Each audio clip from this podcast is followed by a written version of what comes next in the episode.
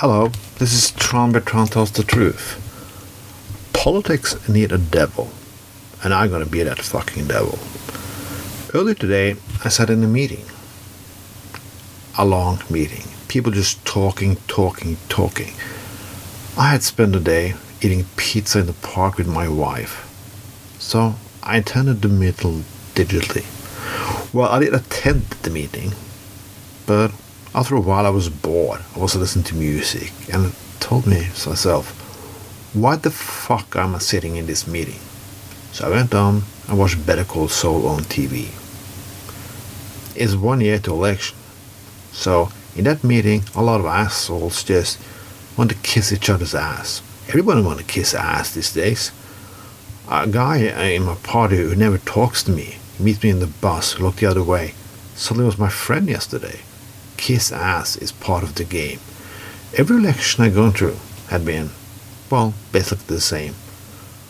I tried to be a little kind of different. But then I'd go in back to the fall. The safety of politics. The safety of being an asshole. The safety of doing the same shit, listening to the same shit, and telling the same boring people. When you're up, everybody wants to suck your cock. When you're down, everybody wants to kick your ass. It's the same shit anyway. But, so what can I do different? Well, I can do this segment. For six years I have. Warning people against Trump. Tell them to vote Hillary. Tell them to like Biden. Tell them to this, to that. What I fucking hate and what I not hate. So, what is my next adventure, you say? What can I do I haven't done? I made podcast, swearing, lost two radio programs. Now I work as security. What more can I fucking do?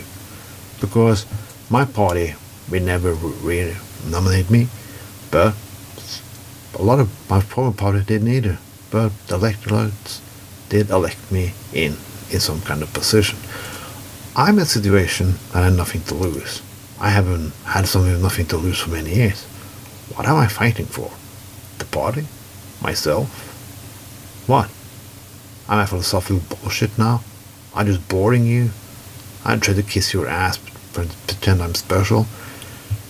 I think in the next election in Norway in 2023, we need more humor.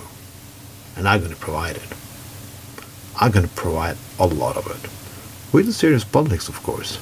Because I want free drugs, bordellos. No, fucking, I don't want. I want people to make their own fucking choices, agree in the politics, and so blah blah blah blah blah blah blah blah. But if you're gonna do that, you need to speak differently. Speak harder. Don't try to be the most perfect candidate there is. Who gives a fuck about that? They want politicians who have lived a little. A few days ago, uh, last week, I guess, the, the Prime Minister of Finland was criticized. She was having a party, and somebody also who was watching the tape had maybe heard a word who looks like somebody said something about drugs. Well, what the fuck? Who gives a shit? A lot of people make it into a scandal. It wasn't a scandal. It was never a fucking scandal. A scandal is when a racist motherfucker who get peed on by prostitutes having mass meeting look like the Nuremberg Congress. That is serious. But a female prime minister snorting cocaine or licking somebody's ass and having an orgy, I think that's quite okay. No, she didn't do all those things, but you know what I'm getting. I am pardoning a lot in politics for the last 30 years. I've been drinking.